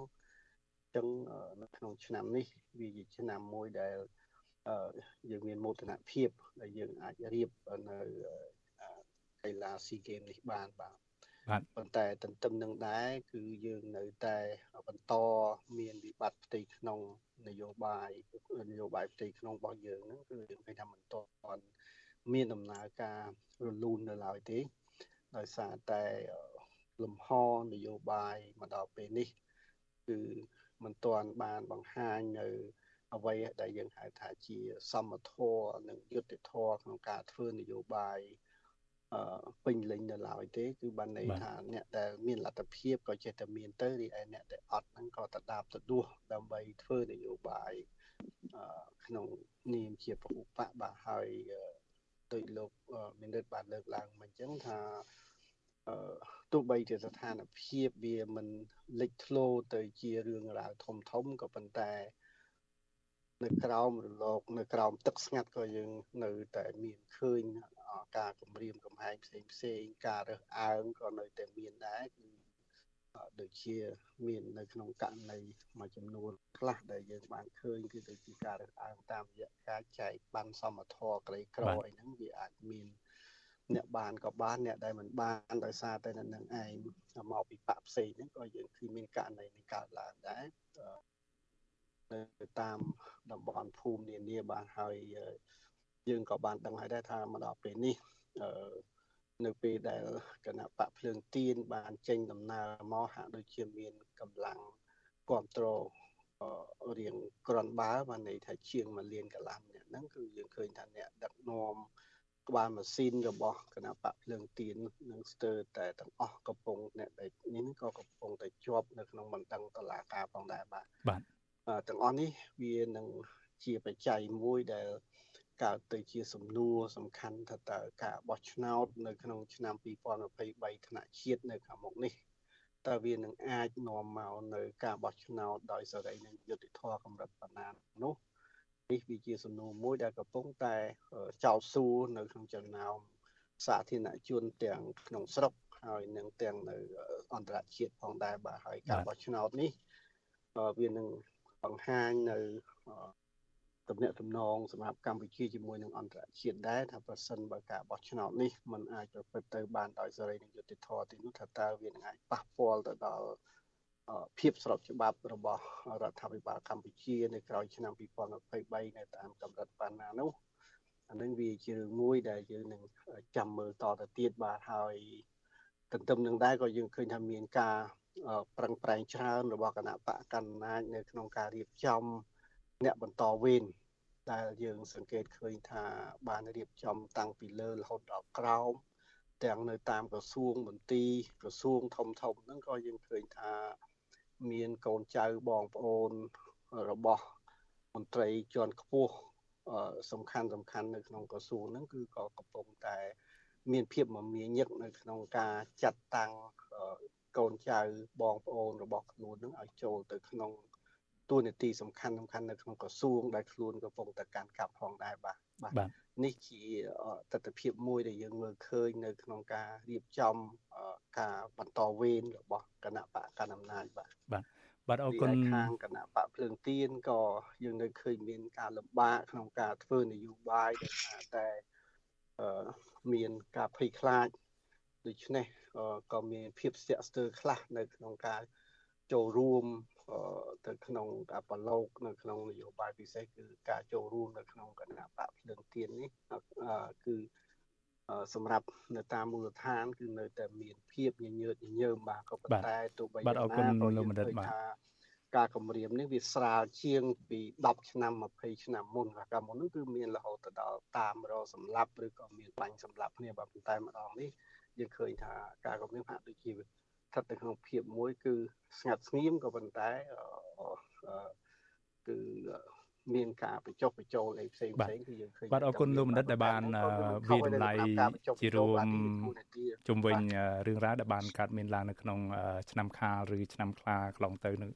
ក្នុងឆ្នាំ2022នោះឃើញថាចំណុច3ដែលលោកមនិតបានលើកឡើងថាអាចនឹង បន្តបង្កជាវិបត្តិតដល់ឆ្នាំនេះហ្នឹងគឺទី1លោកមនិតបានវិតម្លៃលើការដែលកម្ពុជារៀបចំកិច្ចប្រជុំកំពូលអាស៊ានកាលពីឆ្នាំ2022កន្លងទៅហើយទី2ផ្ដោតលើកត្តាដែលកម្ពុជាបានរៀបចំការបោះឆ្នោតឃុំសង្កាត់អាណត្តិទី5កាលពីឆ្នាំ2022ដែលឃើញមានវត្តមានរបស់គណៈបកប្រឆាំងឡើងវិញនៅក្នុងសង្វៀននយោបាយកម្ពុជាក្រោយពីគណៈបកកណ្ដាលអំណាចបានរំលាយនឹង ឬក៏គំតិចចោលក្បាលដឹកនាំឬថ្នាក់ដឹកនាំក្បាលម៉ាស៊ីននៃថ្នាក់ដឹកនាំរបស់គណៈបកសង្គ្រោះជាតិកាលពីចុងឆ្នាំ2017នោះរហូតដែលយុទ្ធនាការនេះបន្តរហូតមកដល់ពេលនេះទន្ទឹមនឹងហ្នឹងកត្តាចុងក្រោយហ្នឹងគឺលោកបណ្ឌិតបានលើកឡើងអំពីការត្រៀមរៀបចំការផ្ទេរតំណែងដល់យុវជនជំនាន់ក្រោយក៏ប៉ុន្តែសម្រាប់គណៈបកប្រជាជនកម្ពុជា ការបន្តតំណែងនេះហាក់បីដូចជាការផ្ទេរតំណែងតពូជដែលរងនឹងការរិះគន់ ជាទូទៅនោះបាទសម្រាប់លោកអែមសវណ្ណារាវិញបាទក្រៅពីអ្វីដែលលោកបណ្ឌិតមាននេះបានលើកឡើងតើលោកចាប់អារម្មណ៍លើចំណុចលេចធ្លោណាខ្លះដែលជាកត្តាមួយបានកើតឡើងកាលពីឆ្នាំកន្លងទៅហើយអាចនឹងបន្តកើតឡើងឬក៏បន្តបង្កជាវិបត្តិនៅក្នុងឆ្នាំនេះឬឆ្នាំទៅមុខទៀតនោះបាទអឺបាទអរគុណអរគុណច្រើន អ្វីដែលលោកបណ្ឌិតមាននីបានលើកឡើងហ្នឹងខ្ញុំគ្រាន់តែចង់រំលេចទេរឿងការ ចំណុចមួយដែលពាក់ព័ន្ធនឹងការចាប់អារម្មណ៍ទៅលើការផ្ទេរអំណាចទៅយុវជនជំនាន់ក្រោយ ទាំងគណៈបកកណ្ដាលទាំងគណៈបកក្រៅរដ្ឋាភិបាលនឹងចាំយើងនឹងជជែកគ្នាមួយចំណុចនេះបាទប៉ុន្តែអ្វីដែលបានកើតឡើងនៅឆ្នាំខាលឬក៏ឆ្នាំ2022កន្លងមកនេះព្រឹត្តិការណ៍នយោបាយដែលគួរឲ្យកត់សម្គាល់សំខាន់សំខាន់យើងអាចមើលឃើញអំពីទូនាទីកម្ពុជានៅជាប្រធានអាស៊ានប្រូវេនលើកទី3នេះ កម្ពុជាបានរៀបចំនៅក្នុងគោលនយោបាយការបរទេសមួយបានល្អអឺកម្ពុជាបានសម្របខ្លួនជាមួយនឹងអាស៊ានហើយនឹងធ្វើបាត់មានបញ្ហានៅដើមឆ្នាំនៃខែមករាឆ្នាំ2022បន្តិច ក៏ប៉ុន្តែកម្ពុជាបានសម្របជាមួយសមាជិកអាស៊ានដទៃទៀតរៀបចំកិច្ចប្រជុំកំពូលជាមួយនឹងខេត្តសហរដ្ឋអាមេរិកជាមួយនឹងចិនជាមួយនឹងរុស្ស៊ីនៅតែមានប្រព្រឹត្តទៅបានល្អហើយធ្វើបាត់តែភូមិមួយដែលមានបញ្ហារឿងគេហៅថាធ្វើរដ្ឋាមានបញ្ហាច្រើនសម្រាប់កម្ពុជាហ្នឹងក៏ប៉ុន្តែសម្រាប់លក្ខណៈជារួមកម្ពុជាយើងឃើញថានៅក្នុងដំណើរទស្សនកិច្ចដឹកនាំ បណ្ដាប្រទេសអាស៊ានមានដំណើរអាស៊ានទៅទឹកដីសហរដ្ឋអាមេរិកទៅប្រជុំកំពូលពិសេសអាស៊ានអាមេរិកនេះនៅខែឧសភាថ្ងៃ12 13ឧសភាឆ្នាំ2022យើងបានចុះនៅកិច្ចព្រមព្រៀងសំខាន់ពាក់ព័ន្ធទៅនឹងការពង្រឹងគោលការណ៍ច្បាប់អន្តរជាតិជាមួយសហរដ្ឋអាមេរិកហើយនឹងនៅពេលដែលប្រជុំជាមួយសហរដ្ឋអាមេរិកនៅទីក្រុងភ្នំពេញខែវិច្ឆិកានេះ កម្ពុជានិងសហរដ្ឋអាមេរិករួមទាំងអាស៊ានទាំងមូលគេហៅថាអាស៊ាននិងសហរដ្ឋអាមេរិកបានចុះនៅគណៈកិច្ចសហប្រតិបត្តិការគ្រប់វិស័យគ្រប់ជ្រុងជ្រោយដែលយើងទាំងគ្រប់វិស័យវាមិនតតគ្រប់ហៅថាភូវិស័យចាស់មិនតែហៅថាគ្រប់វិស័យណាបាទនេះគឺជាភាពរីចម្រើនចំណុចវិជ្ជមាននៅកម្ពុជាហើយកម្ពុជាបានកោតទោសទៅលើគេហៅថាការឈ្លានពានរបស់រុស្ស៊ី ដោយនៅក្នុងចំណុចនេះវាចង់បញ្ជាក់ថាគោលនយោបាយកម្ពុជាកម្ពុជាឈរជាមួយនឹងសហគមន៍អន្តរជាតិជាពិសេសលោកខាងលិចដែលមានសហរដ្ឋអាមេរិកនិងសម្ព័ន្ធមិត្តសហរដ្ឋអាមេរិកចំណុចនេះធ្វើឲ្យកម្ពុជាមានឱកាសនឹងទទួលបាននៅការកោតសរសើរច្រើនក៏ប៉ុន្តែអ្វីដែលជាបញ្ហាប្រឈមក៏យើងមានដែរប្រឈមត្រង់ថានៅក្នុងកិច្ចប្រជុំនោះវាមានការរំលេចអំពីគេថាការលើកស្ទួយលទ្ធិប្រជាធិបតេយ្យពីមេដឹកនាំ លោកខាងលិចជាពិសេសលោកជូបៃដិនដែលចូលមកទស្សនកិច្ចនៅកម្ពុជានឹងដែលមកនៅក្នុងក្របខ័ណ្ឌអាស៊ាននេះបានលើកបញ្ហាអឺលទ្ធិប្រជាធិបតេយ្យសិទ្ធិមនុស្សហើយចំណុចដែលសំខាន់ហ្នឹងគឺនៅឆ្នាំចុងឆ្នាំខាលហ្នឹងគឺខែ3ហ្នឹងបានកាត់ទោសលោកកឹមសុខាហ្នឹងជាអតីតមេដឹកនាំគណៈបក្សសង្គ្រោះជាតិជាចំណុចរសាខ្លាំងបាទរសាខ្លាំងដែល មានការឲ្យអំពាវនាវឲ្យងាកឬក៏ឲ្យទម្លាក់បទចោលហ្នឹងពីព្រោះបណ្ដាទូតនានាកន្លងមកតែងតែទៅស្វាគមន៍លើកគំលើកទឹកចិត្តលោកកឹមសុខាក៏ប៉ុន្តែការកាត់ទោសនេះហាក់ដូចជាមិនផ្ដល់តម្លៃទៅលើអឺចំហឬក៏ការគ្រប់ព្រារបស់លោកខាងលិចជាមួយលោកកម្មវិការឬក៏គណៈបាសគុជាតិទេចំណុចត្រង់នេះជាចំណុចប្រឈមដែលយើងត្រូវកះតែប្រឈមនៅថ្ងៃអនាគត ទៅខាងមុខទៀតហើយអ្វីដែលជាចំណុចល្អសម្រាប់រដ្ឋាភិបាលកម្ពុជាគិតបាននៅគេហៅថាសម្ពាធឬក៏ការចង់ដាក់ទណ្ឌកម្មនានាមានសហរដ្ឋអាមេរិកត្រៀមគោលការណ៍ច្បាប់សេចក្តីព្រាងច្បាប់ពីរនោះទី1 S3052 ចេញពីព្រឹទ្ធសភាហើយមួយទៀត HR 4686ហ្នឹងអញ្ចឹងដល់ពេលដែលកម្ពុជាដើរតួនាទីជាមួយអាស៊ានដែលចូលលើគោលនយោបាយ ការបរទេសលើកគោលការណ៍ច្បាប់អន្តរជាតិហ្នឹងធ្វើឲ្យការអនុម័តច្បាប់របស់សហរដ្ឋអាមេរិកទាំងពីរហ្នឹងវាអាចផុតសុពលភាពដោយសារផុតសុពលភាពដោយសភានេះតាមដោយសភាផុតអាណត្តិអញ្ចឹងទៅបើសិនជាចង់ដាក់សម្ពាធម្ដងទៀតវាជាបញ្ហាមួយវាត្រូវត្រូវការពេលវេលាទៅ resubmit ទៅការពីសមាជិកសភាឬក៏ប្រតិភិងដាក់មកអនុម័តឡើងវិញនេះជាឱកាសសម្រាប់ ដឹកនាំគណៈបកកណ្ដាលអំណាចមានឱកាសហើយក៏ជាតម្លៃមួយដែលធ្វើឲ្យគណៈបកកណ្ដាលអំណាចមិនសូវកង្វល់ឬក៏ឆ្លើយតបទៅនឹងការអំពាវនាវការលើកឡើងរបស់សហគមន៍អន្តរជាតិមានសហគមន៍អឺរ៉ុបមានសហរដ្ឋអាមេរិកជាដើមនេះជាចំណុចដែលយើងអាចធ្វើឃើញហើយធ្វើឲ្យគណៈបកក្រៅរដ្ឋាភិបាលគណៈបកសុខជាតិឬក៏គណៈបកភ្លើងទៀនហ្នឹងពិបាកលើកយកតម្លៃដែលយើងថាវប្បធម៌ចរចាហ្នឹងវាមិនដើរទៅបានទេដោយសារតែសហគមន៍អន្តរជាតិមិនសូវ ផ្ដល់តម្លៃពេញលេញទៅលើចំណាប់អារម្មណ៍ឬក៏ភាពសំខាន់របស់តំបន់នយោបាយភូមិសាស្ត្រនៅក្នុងបាទអរគុណលោកអែមសវណ្ណារាបាទត្រង់ចំណុចចុងក្រោយនេះលោកលោកអែមសវណ្ណារាបានលើកឡើងថាបើទោះបីកម្ពុជាបានដើរតួនាទីសំខាន់មួយនៅក្នុងសហគមន៍អាស៊ានក៏ដោយហើយអាចឲ្យកម្ពុជានឹងគេចផុតពីទណ្ឌកម្មរបស់សហរដ្ឋអាមេរិកនោះទោះយ៉ាងណាក៏ដោយដោយសារស្ថាប័ន បង្កើតច្បាប់ឬក៏រដ្ឋសភានៅសហរដ្ឋអាមេរិកហ្នឹងបានបញ្ចប់អាណត្តិចាស់របស់ខ្លួនហ្នឹងនៅក្នុងអាណត្តិថ្មីនេះក៏មានការត្រៀមហើយជាស្រេចហើយដែលច្បាប់ សេចក្តីស្នើច្បាប់ស្តីពីការដាក់ទណ្ឌកម្មលើមន្ត្រីជាក់លាក់នៅកម្ពុជាហ្នឹងគេនឹងនៅតែតាមបន្តលងបន្លាចរដ្ឋាភិបាលនិងមន្ត្រីរបស់លោកនាយករដ្ឋមន្ត្រីហ៊ុនសែនដដែលទេជាពិសេសមានការលើកឡើងថានៅមុនការបោះឆ្នោតនេះនឹងអាចនឹងមានការដាក់ស្នើឡើងវិញនៅសេចក្តីស្នើច្បាប់ទាំងពីរនេះទៅស្ថាប័នរដ្ឋាភិបាលនិងព្រឹទ្ធសភារបស់សហរដ្ឋអាមេរិកអញ្ចឹងទោះយ៉ាងណាក៏នៅតែមិនទាន់គេចផុតពីទណ្ឌកម្មនេះនៅឡើយដែរបាទលោកអែមសវណ្ណារានិងប្រិមិត្តលោកបណ្ឌិតមាននី ព្រមទាំងប្រិមិត្តអ្នកស្ដាប់នីតិវេទិកាអ្នកស្ដាប់ Visual Asia ស្រីនៅពេលនេះគឺយើងផ្ដោតលើប្រធានបទចង់ដឹងពិនិត្យមើលឡើងវិញថាតើនៅក្នុងឆ្នាំខែកន្លងទៅនេះរដ្ឋាភិបាលរបស់លោកនាយរដ្ឋមន្ត្រីហ៊ុនសែនបានធ្វើនៅរឿងរ៉ាវអ្វីខ្លះដែលអាចនឹងបន្តកើតមានជាវិបត្តិបន្តដល់ឆ្នាំថ្មីឆ្នាំថោះឬឆ្នាំទុនសាយនេះបាទប៉ះសិនបើលោកនាងចាប់អារម្មណ៍ចង់ដាក់ជាសំណួរទៅកាន់វាគ្មិនកិត្តិយសរបស់យើងទាំងពីរសូមអញ្ជើញលោកនាងទម្លាក់លេខទូរស័ព្ទឬដាក់ឈ្មោះលោកនាងនិងលេខទូរស័ព្ទនៅក្នុងប្រអប់ខ្ទង់ comment នៃការផ្សាយផ្ទាល់តាមបណ្ដាញសង្គម Facebook និង YouTube នៅពេលនេះហើយក្រុមការងាររបស់យើងនឹងហៅទូរស័ព្ទទៅលោកនាងដើម្បីចូលរួមដាក់ជាសំណួរឬក៏បញ្ចេញមតិយោបល់និងទស្សនៈយល់ឃើញរបស់លោកនាងជុំវិញរឿងហេតុដែលបានកើតមានឡើងនៅក្នុងសង្គមកម្ពុជាកាលពីឆ្នាំ2022កន្លងទៅបាទខ្ញុំសូមងាកទៅបណ្ឌិតមាសនេះដោយសារលោកបានលើកឡើងពីមុនអំពីការត្រៀមផែនការផ្ទេរអំណាច តពូជពងវងតកូលដែលរងនឹងការរិះគន់ពីអន្តរជាតិជារួមនោះថាកម្ពុជាកំពុងតែធ្វើនៅរឿងរ៉ាវដែលប្រឆាចពីគោលការណ៍ប្រជាធិបតេយ្យឬក៏ការបោះឆ្នោតដោយសេរីនិងយុត្តិធម៌ឯនោះបាទលោកមនិតមាសនេះយើងឃើញថាកាលពីឆ្នាំ2022កន្លងទៅនឹងរឿងរ៉ាវសំខាន់មួយគឺរដ្ឋាភិបាលរបស់លោកនាយរដ្ឋមន្ត្រីហ៊ុនសែនបានសម្រេច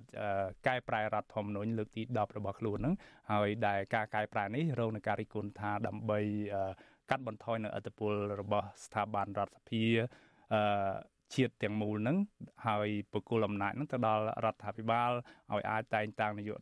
ទៅដល់គណៈបកឈ្នះឆ្នោតឲ្យអាចតែងតាំងនាយករដ្ឋមន្ត្រីថ្មីហ្នឹងដោយមិនចាំបាច់ឆ្លងកាត់សភាអីជាដើមនឹងមានការស្ដី ការចង់ស្ដីបន្ទោសរដ្ឋាភិបាលអីហ្នឹងទាល់តែមានសម្លេងនៅក្នុងសភាហ្នឹងច្រើនរហូតដល់ទៅ40សម្លេងជាងឯណោះបាទតើការទាំងអស់នេះរងនឹងការរិះគន់ថា គឺជាអាចថាជាផែនការមួយរបស់គណៈបកការអំណាចរបស់លោកនាយរដ្ឋមន្ត្រីហ៊ុនសែនដើម្បីស្រួលលោកផ្ទេរអំណាចទៅឲ្យកូនប្រុសច្បងរបស់លោកតើការនេះអាចនឹងបន្តឲ្យមានវិបត្តិយ៉ាងណាដែរនៅក្នុងឆ្នាំថ្មីនេះបាទ អឺជារួមបើយើងពិនិត្យមើលមែនទែនទៅ គឺការខ្វះនៅឯករាជ្យភាពរវាងស្ថាប័ន3នៅខាងលើនេះគឺវាមានតាំងពីមុនពេលកែរដ្ឋធម្មនុញ្ញលេះបាទយើងដឹងហើយថាស្ថាប័នសភាស្ថាប័ននីតិប្រតិបត្តិហើយនិងស្ថាប័នតុលាការហ្នឹងគឺស្ថិតនៅក្រោមការរិះគន់ថានៅក្រោមអធិបុលនយោបាយនឹងច្រើនជាងណាបាទ បាទដូច្នេះមែនទែនទៅការកែនៅរដ្ឋធម្មនុញ្ញនេះសម្រាប់ខ្ញុំមិនមានអីចម្លែកទេគ្រាន់តែតម្រូវទៅតាមអ្វីដែលកំពុងតែអនុវត្តជាក់ស្ដែងនៅក្នុងស្ថាប័នរបស់រដ្ឋសំខាន់ខាន់ទៅ3ខាងលើណាបាទនេះយើងរឿងអនេះខ្ញុំគិតថាពលរដ្ឋខ្មែរក៏គាត់ដឹងហើយដែរថាស្ថាប័នទាំង3ស្ថិតនៅក្រោមអធិបុលនយោបាយនឹងតាំងពីមុនការកែនៅរដ្ឋធម្មនុញ្ញនឹងម្លេះបាទ បាទអញ្ចឹងទៅនេះជារឿងមួយត្រង់ថាតើវាអាចនឹងជាកត្តាដែលនាំទៅបើកផ្លូវឲ្យមានការរៀបចំនៅការផ្ទេរអំណាចសម្រាប់អ្នកជំនាន់ក្រោយខ្ញុំមិនសុំមិននិយាយទៅលើពីរឿងគ្រួសាររឿងអីទេក៏ប៉ុន្តែ វាជាវិធីសាស្ត្រមួយដែលឬក៏ជាយុទ្ធសាស្ត្រមួយដែលគណៈបកកណ្ណាយគាត់បានរៀបចំនៅក្នុងការផ្ទេរ ដាក់នៅឈាមថ្មីដែលគាត់ប្រើពាក្យថាឈាមថ្មីដើម្បីជំនួសអ្នកដែលវ័យចំណាស់ចំណាស់ណាតែក្នុងកត្តាហ្នឹងវាយើងសម្រាប់ខ្ញុំខ្ញុំចែកដាច់រវាងស្អីដែលជាប្រជាធិបតេយ្យបរដ្ឋហើយស្អីដែលជាការកាត់ការចាត់ចែងជាយុទ្ធសាស្ត្ររបស់គណៈបកកណ្ដាលអំណាចបាទបាទអឺព្រោះអីអានេះវាជារឿងផ្ទៃក្នុងរបស់គណៈបកនីមួយនីមួយដែលត្រូវរៀបចំបាទគាត់ថាត្រង់ថាតើការរៀបចំនៅ ការផ្ទេរនៅឈាមថ្មីឬអ្នកចំនួនក្រោយនេះ វានឹងអាចមានផលវិបាកអីខ្លះសម្រាប់ការដឹកនាំសង្គមជាតិនៅក្នុងពេលខាងមុខប្រសិនបើការរៀបនេះវាមិនបានធ្វើទៅបានដោយរលូនឧទាហរណ៍ថាវាហុំព័ទ្ធក្រាស់ពេកដោយពួកបពពួកនិយមឬគ្រួសារនិយមនោះវានឹងអាចជះឥទ្ធិពលមួយហើយទៅថ្ងៃខាងមុខដែលនឹងធ្វើឲ្យ ការបំពេញនៅមុខងាររបស់ស្ថាប័នរដ្ឋនឹងអាចនឹងជួបប្រទះនៅការលំបាកច្រើនដោយសារតែនៅតាមស្ថាប័នមួយមួយហ្នឹងគឺអាចនឹងមាននៅខ្នងរៀងខ្លួនហើយអាចនឹងធ្វើឲ្យប្រព័ន្ធរដ្ឋហ្នឹងនឹងមានដំណើរការស្រួលឬក៏អាចនឹងបង្កឲ្យមាននៅអយុត្តិធម៌សង្គមប្រសិនបើការរៀបចំនៅឈាមថ្មីនេះរៀបទៅវាមិនបាន ត្រៀមទុកសម្រាប់នាំឈានទៅរកការផ្ដល់នៅសមធម៌និងយុត្តិធម៌សង្គមនៅក្នុងពេលខាងមុខបាទបាទជាការមើលឃើញបាទអរគុណនុំដិតដែលបានលើកឡើងពីកង្វល់និងការជាការរំពឹងទុកថាប្រសិនបើការឈាមការត្រៀមបដូរឈាមថ្មី ឈាមចាស់ទៅកាន់ឈាមថ្មីនេះប្រព្រឹត្តទៅដោយមិនល្អដោយបពុនិយមកាន់តែខ្លាំងកាន់តែក្រាស់ខ្មឹកនៅក្នុងប្រព័ន្ធរដ្ឋាភិបាលនិងបង្កជាបញ្ហាមួយដល់ប្រព័ន្ធយុទ្ធធម៌សង្គមឲ្យឲ្យកើតមានអំពើអយុត្តិធម៌សង្គមហើយនឹង ប៉ះពាល់ដល់ស្ថិរភាពនយោបាយនៅក្នុងស្រុកនោះលោកអែមសវណ្ណារាវិញតើឱកាសពិតប្រាកដសម្រាប់យុវជនចំនួនក្រោយនៅក្នុងឆ្នាំថ្មីនេះគឺឆ្នាំថោះនេះអាចនឹងមានដែរទេសម្រាប់បញ្ជ្រាបខ្លួនចូលទៅក្នុងរដ្ឋាភិបាលកម្ពុជា ស្របពេលដែលលោកនាយករដ្ឋមន្ត្រីហ៊ុនសែននិងគណៈបកកណ្ដាលអំណាចហ្នឹងហាក់បីដូចជាកំពុងតែប្រព្រឹត្តនៅអ្វីមួយដែលជាប្រព័ន្ធការរៀបចំរចនាសម្ព័ន្ធនៅក្នុង គណៈបកនិងនៅក្នុងប្រព័ន្ធរដ្ឋាភិបាលដោយដាក់បកពួកក្រុមគ្រួសារតកូលរបស់ខ្លួនចូលនោះបាទបាទអ្វីដែលចាប់អារម្មណ៍ខ្ញុំចង់លើកឡើងដែរគឺចង់បញ្ជាក់ថាឱកាសយុវជនសម្រាប់ប្រាក់បាក់អំណាចហ្នឹងគេបានរៀបចំយន្តការនៃការផ្ទេរអំណាចឬក៏អ្នកកាន់អំណាចជាយុវជនជំនាន់ថ្មីហើយក៏ប៉ុន្តែភាគច្រើនដែលចេញពីឋានៈដឹកនាំពីគ្រួសារឬក៏កូនចៅឋានៈដឹកនាំមិនមែន ចេញពីគេហៅថាពលរដ្ឋឬក៏យុវជនជាពលរដ្ឋដែលពុំមានខ្សែសាលាឬក៏សាច់ញាតិជាថ្នាក់ដឹកនាំមានឱកាសឡើងទៅកាន់កិច្ចការសំខាន់សំខាន់ឬក៏ជំនួសថ្នាក់ដឹកនាំចំនួន3ចំនួនចាស់ទេដូច្នេះចង់បញ្ជាក់ថាសក្តានុពលរបស់យុវជននៅក្នុងគណៈបកកណ្ដាលនេះមិនបានប្រើប្រាស់អស់លទ្ធភាពទេណាយើងឲ្យតម្លៃជាអត្ថភាពទៅលើឬក៏ ថ្នាក់ដឹកនាំពីចំនួនមុនទៅវិញអញ្ចឹងជាឱកាសមួយជាបញ្ហាប្រឈមសម្រាប់អនាគតដែររបស់គណៈបកកណ្ដាលនេះគឺអ្នកដែលមានសក្តានុពលអ្នកដែលមានលទ្ធភាពខ្ញុំគិតថាប្រហែលជាគាត់អាចស្វែងរកឬក៏រកវិធីសាស្ត្រចូលជ្រៀតចូលទៅក្នុងសង្គមការងារឬក៏នយោបាយនៅក្នុងរូបភាពផ្សេងក្រៅបើថាចូលតាម គណៈបកកណ្ដាលអំណាចមិនអាចទៅរួចប្រហែលជាគាត់អាចដល់របត់មួយគាត់អាចគិតពិចារណាតែគាត់រកវិធីសាស្ត្រណាមួយនេះជាចំណុចមួយចំណុចមួយទៀតដែលយើងអាចមើលឃើញគណៈបកក្រៅរដ្ឋាភិបាលឬក៏គណៈបកភ្លើងទៀនចុះក៏យើងមិនទាន់ឃើញមានយន្តការច្បាស់លាស់ឬក៏របៀបរបបនៃការរៀបចំសម្រាប់អ្នកដែលមកបន្តការងារសម្រាប់អ្នកជំនាន់ថ្មីជាយុវជនហ្នឹងអត់ឃើញរូបភាពច្បាស់លាស់ដែរទេក ន្លែងនេះជាជាឱកាសមួយដែលថាយុវជនចូលទៅក្នុងកិច្ចការនយោបាយហ្នឹងពុំសូវមានភាពបង្ហាញជាគំរូតាក់ទាញដល់យុវជនផងទី2សន្តិយុវជនខ្លួនឯងដែលមានភាគរយច្រើនជាងគេហ្នឹងជាពលរដ្ឋសកម្មជាងគេនេះក៏មិនមានសកម្មភាពច្រើននៅក្នុងឆាកនយោបាយទៅទៀតឬក៏ពុំមានការចាប់អារម្មណ៍ច្រើនទៅក្នុងបញ្ហានយោបាយនេះជាក្តីបារម្ភរបស់កម្ពុជាឬក៏ពលរដ្ឋកម្ពុជាយើងជាទូទៅ បាទតែចំណុចមួយដែលខ្ញុំចង់ចង់លើកដែរអំបញ្ញមិញដែលសារថាមិនបានបញ្ជាក់គឺកម្ពុជាប្រឈមបញ្ហានៅក្នុងការបោះឆ្នោតឃុំសង្កាត់នោះដែលខាងសហភាពអឺរ៉ុបហ្នឹងគេបានលើកឡើងអំពីសេចក្តីប្រកាសពាក់ព័ន្ធទៅនឹងគេហៅថាប្រសិនបើយន្តការនៃការបោះឆ្នោតថ្នាក់ជាតិខាងមុខឬក៏នៅក្នុងបោះឆ្នោតថ្នាក់ឃុំសង្កាត់នឹងមិនមានភាពល្អប្រសើរឬក៏ទទួលបានតាមស្តង់ដារ ទទួលយកបានទេកម្ពុជាអាចប្រឈមបាត់នៅអត្រានុគ្រោះពន្ធ EVA នោះអានេះជាបញ្ហាប្រឈមរបស់កម្ពុជាមួយធំហើយបញ្ហាប្រឈមមួយទៀតដែលយើងបាត់ GSP ពីសហរដ្ឋអាមេរិកនោះយើងអត់ទាន់មានតំណែងថាយើងទទួលបានតទៅទៀតទេនេះជាបញ្ហាប្រឈមពាក់ព័ន្ធទៅនឹងយន្តការទូទៅនៃការដឹកនាំប្រទេសហើយហើយបញ្ហាកង្វល់ដែលយើងជួបឆ្នាំនេះខ្ញុំឡងបញ្ជាក់គឺ SEA Games យើងចំណាយលុយហើយបោះឆ្នោតថ្នាក់ជាតិឆ្នាំ2023ខែកក្កដាខាងមុខនេះកន្លងមកយើងមានការជួយជ្រោមជ្រែងពីសហគមន៍អន្តរជាតិពីសហគមន៍អឺរ៉ុបពីជប៉ុនជាដើមមានជាថវិកាប៉ុន្តែនៅពេលនេះយើងអត់ទាន់ឃើញភាពជាវិជ្ជមាននៃការគាំពៀផ្នែកអរិញវត្ថុឬក៏ថវិកានេះវាវាអាចឈានទៅដល់បាត់ការគាំពៀឬក៏គ្រប់គ្រងនៃអឺលទ្ធផលនៃការបោះឆ្នោតឬក៏ហេតុផលណាមួយដែលបណ្ដាប្រទេស ទាំងអស់ហ្នឹងមិនចូលពាក់ព័ន្ធនេះជាក្តីបារម្ភជាទូទៅបាទលោកអែមសវណ្ណរាត្រង់ត្រង់កង្វល់នេះតើអ្វីទៅអាចជាដំណោះស្រាយដែលលោករំពឹងថាប្រសិនបើរដ្ឋាភិបាលក្រុងភ្នំពេញធ្វើទៅអាចនឹងមានជួយសម្រួលបន្ទុកឬក៏ដោះស្រាយកុំឲ្យមានវិបត្តិតនៅក្នុងឆ្នាំថ្មីនេះបាទអឺទស្សនៈខ្ញុំខ្ញុំគិតថារដ្ឋាភិបាលអាចមានលទ្ធភាពដោះស្រាយក៏ប៉ុន្តែ យើងមើលពីយន្តការឬក៏ប្រតិការដើម្បីដោះស្រាយនឹងហាក់ដូចជាមិនទាន់លេចឬជារូបរាងឬក៏ពុំហាក់ដូចជាមិនទាន់ឃើញមានចេតនាថាចង់ចូលរួមពាក់ព័ន្ធដោះស្រាយទេពីព្រោះយន្តការដែលសហគមន៍អឺរ៉ុបឬក៏សហរដ្ឋអាមេរិកលើកឡើងកង្វល់ទាំងអស់នេះអត់មានការឆ្លើយតបជាវិជ្ជមានឬក៏ការទទួលយកបានពីបណ្ដាប្រទេសដែលជាកតាប្រភពចំណូលទីផ្សាររបស់កម្ពុជានឹងអត់មាន ដែលលើកឡើងនឹងអត់មានការឆ្លើយតបពីរដ្ឋាភិបាលកម្ពុជាជាវិជ្ជមានទេបាទបាទបាទអរគុណលោកអែមសវណ្ណារាខ្ញុំសូមងាកទៅលោកបណ្ឌិតមាននីវិញ